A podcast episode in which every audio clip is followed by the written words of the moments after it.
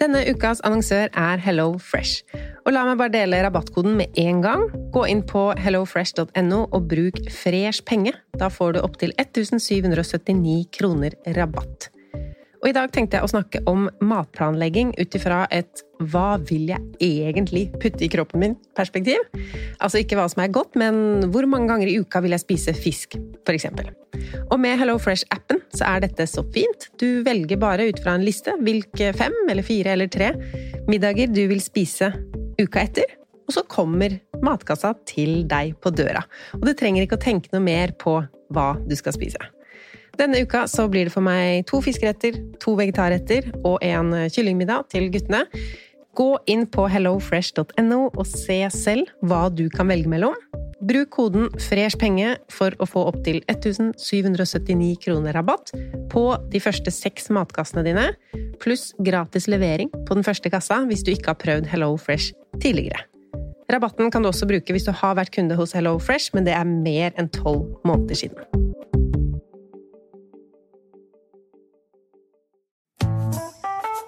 Har du et enkeltpersonforetak eller en liten bedrift?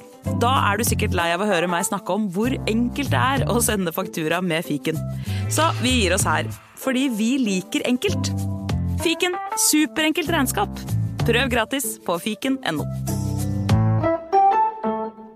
Velkommen til Kjemperådet! Hey! Vi har fått inn et kjempenytt problem fra en mor. Jeg leser. Yes. Hei, jeg har en datter på 11 år som vurderer å slutte med orientering. Hun elsker jo å løpe, men finner aldri veien. Og jeg må sitte så lenge i bilen og vente. tricky. Yes, Ja, men ja dette her har jeg opplevd selv, faktisk. Og løsningen for meg ble da Maps på mobilen. Ja, hun er jo under 13 år. Da får hun 5 gigabyte data for bare 149 kroner med Telenor. Oi. Hun bør jo sjekke ut nye mobilabonnement på telenor.no, da. Yes!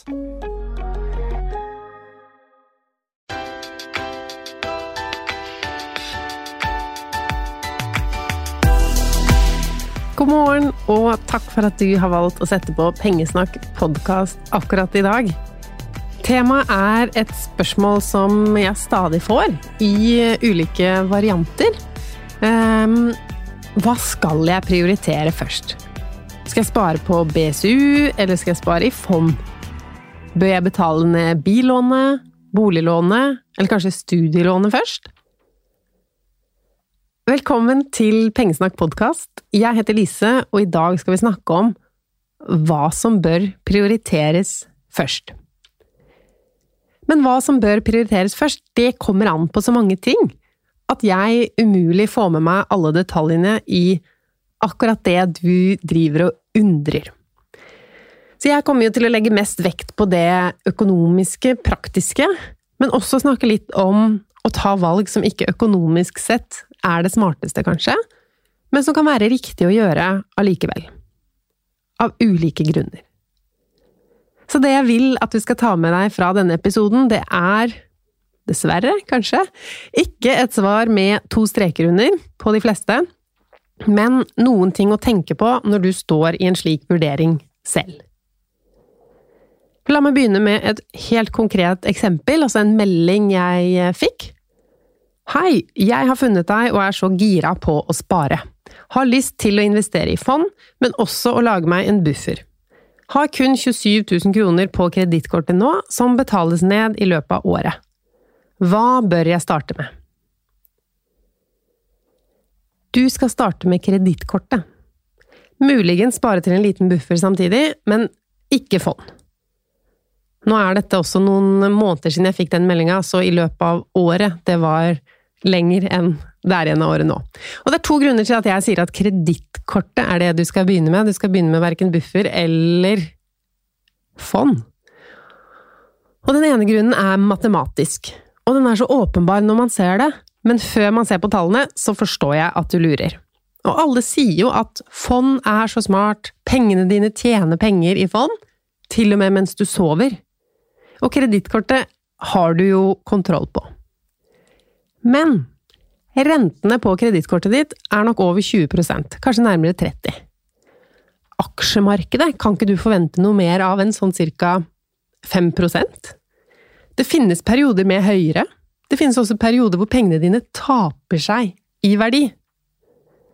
Så hvis du skal se de opp mot hverandre i løpet av et halvår, minus 20% pluss 5% eller mer, eller mindre, eller tap. Å fokusere på å ikke betale 20% i renter, eller 29% i renter, er jo mye bedre enn å håpe på 10% rente. Å betale ned kredittkortet, det er jo en garantert avkastning på 20 da, eller nesten 30% Du slipper å betale renter. Du slipper en kostnad, og det er det som da blir avkastningen din. Det kommer ikke aksjemarkedet til å slå. Mest sannsynlig. Og så er det jo det at i aksjemarkedet må du ha lang horisont. Og det er jo et problem for deg som ikke har buffer. Og lang horisont, det handler ikke om det praktiske, at det tar lang tid å ta penger ut av fond. Ja, det kan ta et par dager før du har pengene på konto, men om markedet har falt veldig, så har du jo ikke lyst til å ta ut pengene dine. Hvis du har satt inn 13 000 kroner, og så står de i 8000 akkurat nå, så er ikke det noe gøy å måtte ta de ut. Da vil du heller vente til verdien er som da du satte den inn, eller enda høyere. Og det kan ta tid. Hva tok det etter finanskrisen? Fem år? Så lenge kan ikke du vente hvis bilen må repareres eller eh, tørketrommelen lekker. Så du må finne en måte å synes at nedbetaling av gjeld er like gøy på som å spare eller investere. Jeg var litt inne på det i den episoden om eh, kredittkort og kredittkortgjeld. Det er jo sånn at jeg, og veldig mange med meg, blir ordentlig motivert av fargelegging. Så selv om det høres barnslig ut, så er det så visuelt.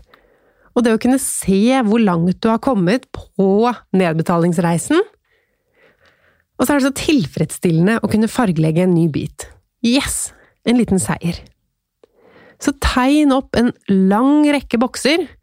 La hver boks symbolisere 1000 kroner, kanskje. Da blir det 27 i ditt tilfelle. Eh, eller så kan du printe ut de spareballongene mine. Jeg kan legge en link til de i episodebeskrivelsen hvis noen flere vil ha de. For der er det 55 ballonger som kan fargelegges i den buketten. Da kan du la hver av de symbolisere 500 kroner.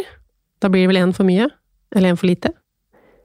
Uansett, lag et eller annet som motiverer deg like mye, altså at du syns det er gøy å betale ned gjeld, på samme måte som det er gøy å spare. Og så er det tid for buffer når gjelda er borte. Og så deretter er det kanskje på tide med fond. Så det er rekkefølgen jeg ville gjort. Og så begynte jeg veldig fint med å si det er ikke noe fasit, og så gir jeg en veldig klar fasit på det første. Eh, la oss gå til nummer to. Et spørsmål. Fond eller aksjer? Og det er det mye jeg kunne sagt om. Um, jeg har også to videoer på YouTube også. Én om hvordan du kommer i gang med aksjer, og én om hvordan du kommer i gang med fond, hvor jeg sier litt sånn basic info. Fordi um, når noen lurer på skal jeg investere i fond eller aksjer, så lurer de kanskje også på hva er det egentlig? Hva er forskjellen? Og hvis du vet forskjellen, så er det jo lettere å vite hva som er riktig for deg. Fordi fond er jo også aksjer. Altså alltid nesten når jeg snakker om fond, så snakker jeg om aksjefond. Det finnes jo også rentefond, du kan investere i obligasjoner. Um, en aksje er en eierandel av et selskap. Eier du en aksje, så eier du bitte litt av et selskap. Og treffer du riktig, altså at du velger å kjøpe aksjer i et selskap som gjør det bedre enn forventet, som tjener penger, eller som verdien øker, hvis selskapets verdi øker, så øker også verdien av dine aksjer. Og det er derfor vi investerer i aksjer, for å få større verdi, at pengene våre skal vokse. Men så er det sånn, da, risiko. Går det dårlig med selskapet, med bransjen, eller Det er mange ting som kan skje som gjør at aksjekursen på aksjen du har kjøpt, synker. Det er like mange grunner til at den øker, men det er det som er med kjøp av enkeltaksjer. Det er risiko. Derfor anbefaler Aksje Norge at Er det åtte eller ti? Kanskje åtte? Du må i hvert fall ha åtte ulike aksjer for at du skal være diversifisert, som det heter. Altså spre risiko.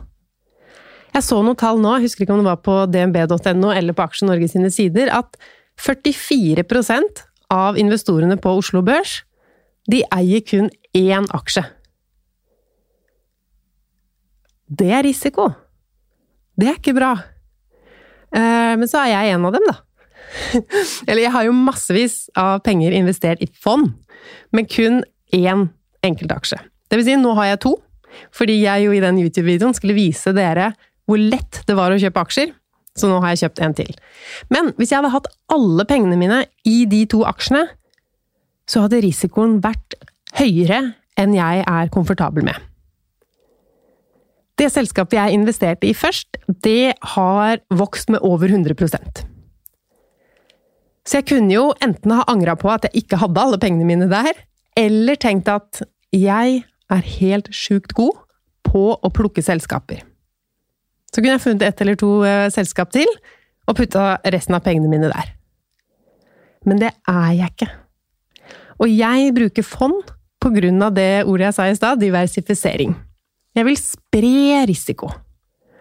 Det fondet jeg investerer mest i, investerer i over 700 selskap. Og da går det faktisk greit om et selskap går konkurs. Det hadde det jo ikke vært hvis jeg hadde alle investeringene mine i to selskap, og så går ett av de konkurs. Så der har du egentlig valget. Vil du finne kanskje ti selskaper, firmaer som du har tro på, eller vil du velge et stort fond for å minimere risiko? Du kan jo også gjøre en blanding. At du investerer mesteparten i fond, kanskje brede fond, og så har du lov til å plukke deg noen selskaper for de siste prosentene av det du vil investere. For det med fond er jo at det kan virke litt kjedeligere enn å plukke selskap. Eh, men så har du jo også veldig mange fond å velge mellom, så du kan plukke um, i fondsverden også. Så om du skal investere i fond eller enkeltaksjer, det kommer rett og slett an på interessen din. Altså er du helt uinteressert og bare vil at pengene dine skal vokse, så vil alle anbefale deg å bare putte alt i et globalt indeksfond. Har du interesse for en viss sektor? Har du interesse for å lese kvartalsrapporter? Har du lyst til å ta risiko og bli den neste børsvinneren? Så er kanskje enkeltaksjer det du skal gå for.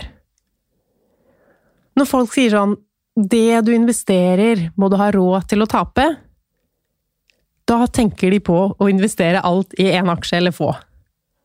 Å investere i fond, og da jo bredere fond, så er det ikke sånn at det du går inn med, må du ha råd til å tape. Det skal veldig mye til for at alle selskap i et stort fond skal gjøre det dårlig. Og det jeg pleier å tenke da, er at hvis alle de over 700 firmaene i mitt største fond går konkurs, så har jeg større problemer enn de sparepengene. Så aksjer er for deg som har interesse, som har muligheten og lysten til å ta risiko. Og så er det jo forskjell på aksjer òg. Er det et lite selskap som du aldri har hørt om, som en eller annen kollega eller en drosjesjåfør sier at der må du putte alle pengene dine nå? Det er risiko. Er det et stabilt selskap som er stort, som betaler utbytte, som er Det er veldig stor forskjell innen selskap også. Så har du interesse for det her, så er det jo bare å hoppe inn i uh, aksjeverden. Jeg er mer uh, Ikke at jeg er uinteressert, men jeg tror ikke at jeg er verdens flinkeste til å plukke aksjer. Og jeg er veldig komfortabel med å heller følge markedet og investere i brede fond. Men da tar jeg jo også bort muligheten for at pengene mine har dobla seg innen jul. Det kan de gjøre hvis du velger et riktig enkelt aksje. Neste dilemma. Bør jeg betale ned på billånet eller boliglånet eller studielånet? Og den er ganske plankekjøring. Det blir billånet. Og det handler rett og slett om at renta på det er høyest så kan det jo være Du må rett og slett sjekke i avtalen din, da, for det kan være sånn Denne kampanjerenta fikk du, og den har noen begrensninger. Kanskje du må følge betalingsplanen i to år for å beholde den lave renta, eller noe sånt. Sjekk det opp. Mest sannsynlig er det uproblematisk å betale inn mer på billånet. Hvis du har flere lån, forbrukslån, kredittkort Alltid høyest rente først. Det lønner seg matematisk. Men som jeg sa i den episoden om kredittkortgjeld, så finnes det en metode som er mer Som ikke går matematisk, men som tenker på hvordan du skal få motivasjon til å holde ut med um, masse gjeldsnedbetaling, hvis du har flere ting. Og det er jo det som heter snøballmetoden, for da er tanken at det skal balle på seg og bli større og større etter hvert som det ruller ned bakken. Og da starter du med det aller minste du skylder. Så hvis det er en kompis du skylder 82 kroner, betal det først. Hvis du har en regning på strømmen på 846, så betaler du den. Så hver måned så betaler du minimumsbeløpet på Kanskje du har boliglån, billån, kredittkort, forbrukslån, et privatlån. Bare betal minimum av hva de krever, og så betaler du det minste kredittkortet først. Og ettersom månedene går da, så blir du kvitt det kredittkortet, så blir du kvitt kanskje forbrukslånet, så blir du kvitt billånet, og så til slutt sitter du igjen bare med det største lånet.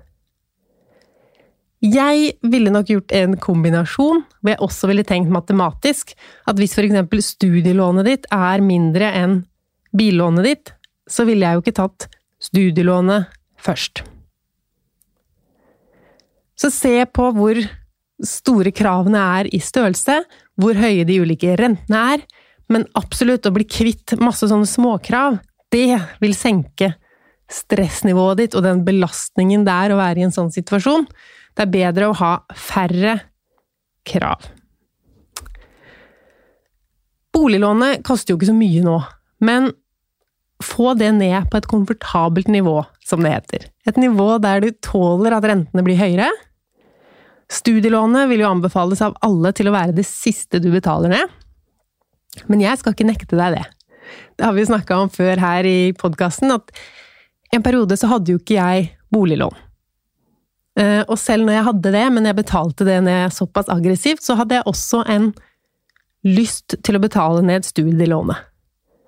Det føltes bare for dumt å fortsatt drive og betale på det gamle lille lånet. Eller lille lånet, det har jo vært høyere. Nå har jeg fortsatt et studielån på 100 000, og stadig får jeg lyst til å betale det ned, men det er jo et rimelig lån, og det vil lønne seg matematisk over lang tid at jeg heller investerer de pengene. Men hva som lønner seg, det kommer jo an på alternativet. Er alternativet at du skal bruke mer penger på byen, mer penger på shopping, mer penger på noe som du ikke har så glede av om fire-fem år, så vil det jo være bedre å betale ned på studielånet. Men er alternativet å betale ned på boliglånet, å betale ned på billånet, kredittkortlånet, så klart, da anbefaler jeg ikke at du gønner på på studielånet.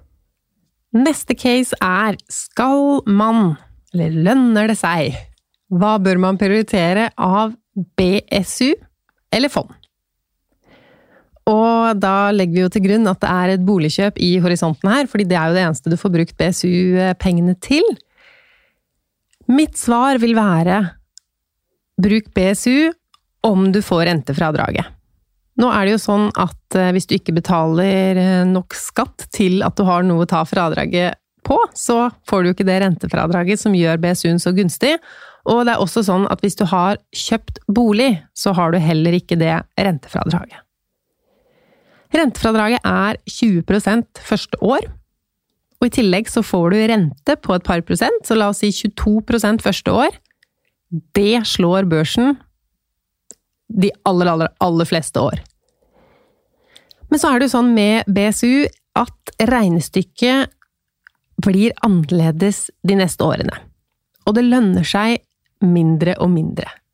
Fordi det rentefradraget er jo kun første år, så den 20% avkastningen er første år, og så er det 2% 2% altså hvis renta holder seg på 2% den kan være 3% det kan være 1 men uten rentefradrag så er det ikke så gunstig år for år, og hvis du da skal lage et gjennomsnitt av hva du får igjen for å ha pengene dine på BSU, så blir det lavere og lavere etter hvert som tiden går. Børsen kan gi deg alt mellom 100% tap og mangedobling av innskuddet ditt. Det innebærer risiko. Og den risikoen blir jo mindre jo flere år pengene er investert, og sjansen for at pengene vokser seg høyere enn det det blir i BSU, er større jo flere år som går. Så det er liksom to sider av saken. BSU-en Altså, skal du ha pengene ett år eller to, så er det jo BSU uten tvil. Men jo lengre fram i tid dette boligkjøpet er, jo mer lener regnestykket seg i retning av fond. Og det handler både om at risikoen blir mindre, sjansen for avkastning og høyere avkastning øker, mens i BSU så er fordelen mindre og mindre og mindre. Uansett så tenker jeg at det at det ikke er risiko i BSU-en Og det er kanskje ikke snakk om så mange år. Det er ikke 15 år fram i tid du skal kjøpe bolig, det er kanskje fem år da er jo ikke gjennomsnittsavkastningen blitt altfor lav på BSU, samtidig som risikoen ved fond um, Det er jo også det at timingen Altså, boligkjøpet skal jo skje til en viss dag, en viss dato, en viss periode. Børsen kan rase når som helst. Så du kan heller ikke si at ja, i år 2027 så skal jeg kjøpe bolig, og så ha pengene i fond til akkurat den dagen du er på visning. Derfor tenker jeg at det er for høy risiko, selv om hvis vi ser på tallene, så blir det mer og mer lønnsomt å velge fond over BSU jo lengre tid det har gått. I BSU så er det garantert avkastning, og pengene er klare til å hjelpe deg å nå boligdrømmen når du er der. Du er ikke avhengig av timing i det hele tatt, eller at børsen har gått bra i de årene. Men hva med å spare i fond, eller å betale ekstra på boliglånet? Det er kanskje det spørsmålet jeg får aller mest når det gjelder sånne her eh, dilemmaer om hva man skal prioritere. Skal jeg spare i fond, eller skal jeg betale inn ekstra på boliglånet? Og hvis du kjenner min historie, så handla jo det om å betale ekstra på boliglånet i mange, mange år, før jeg begynte å se en ende på det, og da økte mer og mer i fond. Matematikken forteller oss at fond vil være best over tid. Så jeg gjorde ikke det som var matematisk riktig. Men jeg gjør begge deler eh, nå, og jeg gjør begge deler samtidig fordi ja, aksjemarkedet er helt topp til å få penger til å vokse. Sammen med eiendom, egentlig. Altså ser vi bakover i tid, så har det lønt seg å være Altså ha så mye penger i aksjemarkedet som mulig, og ha så mye penger i eiendom som mulig. Greia med eiendom, da, det er jo at boligen din, den øker like mye i verdi, uansett hvor mye lån du har på den. Så det er ikke sånn at hvis du jobber veldig hardt med lånet, så blir avkastningen din større. Det er egentlig omvendt.